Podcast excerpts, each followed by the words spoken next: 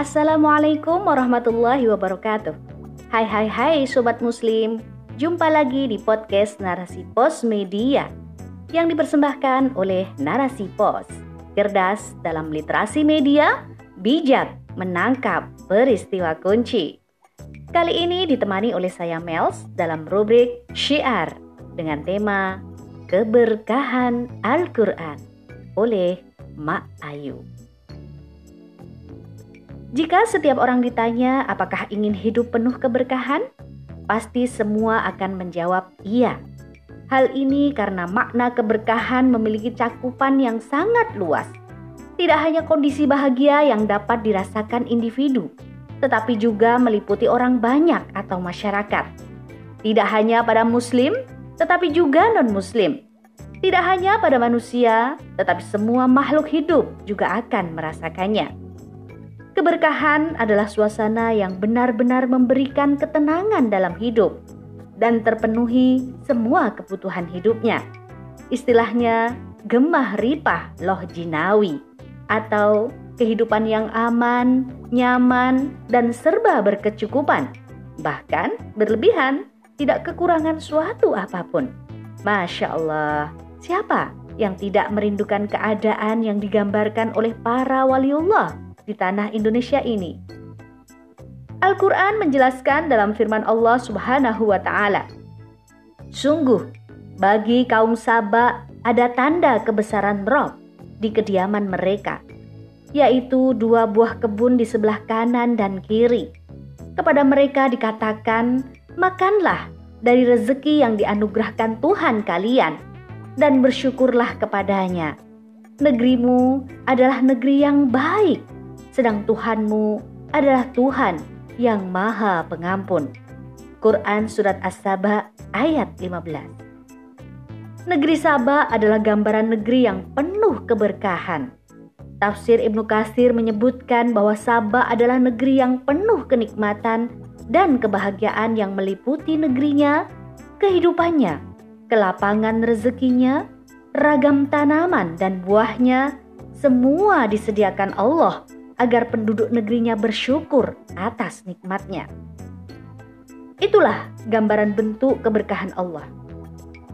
Akan tetapi, jika dilihat dari kehidupan saat ini, keberkahan itu belum bisa dirasakan oleh sebagian besar masyarakat. Justru kesulitan hidup terus melilit di tengah masyarakat. Biaya hidup serba mahal, dari kebutuhan pokok, tarif dasar listrik, air, pajak, dan masih dihimpit dengan tekanan ekonomi lainnya. Belum lagi sulitnya mencari kerja dan PHK di mana-mana.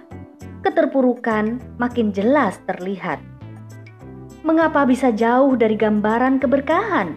Sementara Indonesia adalah negeri agraris yang kaya akan ragam jenis makanan pokok dan tanaman, juga sebutan negeri maritim karena lautnya demikian luas, plus seluruh hayati lautan belum lagi kekayaan bumi Indonesia dari sumber daya alam.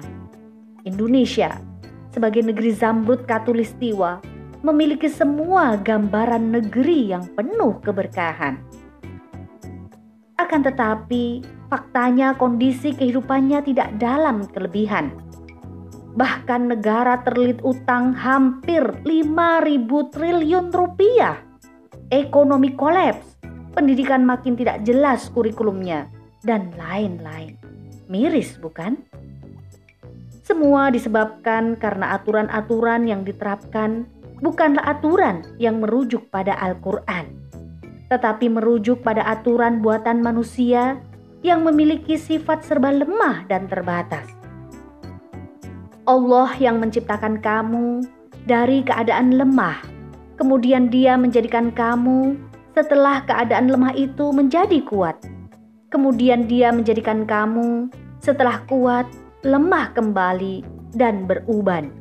Quran Surat Ar-Rum ayat 54 Keterbatasan dan kelemahan manusia ini ketika membuat aturan untuk kehidupan justru membawa pada kerusakan, bahkan kehancuran kehidupan, hingga tidak ada keberkahan di dalamnya. Padahal di tengah kekayaan yang melimpah. Sistem kehidupan yang sempurna adalah sistem yang mengikuti aturan dari Sang Pencipta manusia, alam semesta, dan kehidupan. Dialah yang telah mengatur segala ciptaannya, termasuk manusia dan kehidupan ini. Manusia wajib patuh dan taat kepada Allah. Aturan Allah itu sudah tertulis dalam Al-Quran. Manusia tinggal mengikutinya sebagai bentuk ketakwaan. Allah Subhanahu wa taala berfirman, "Dan ini adalah kitab Al-Qur'an yang kami turunkan dengan penuh berkah. Ikutilah dan bertakwalah agar kamu mendapat rahmat."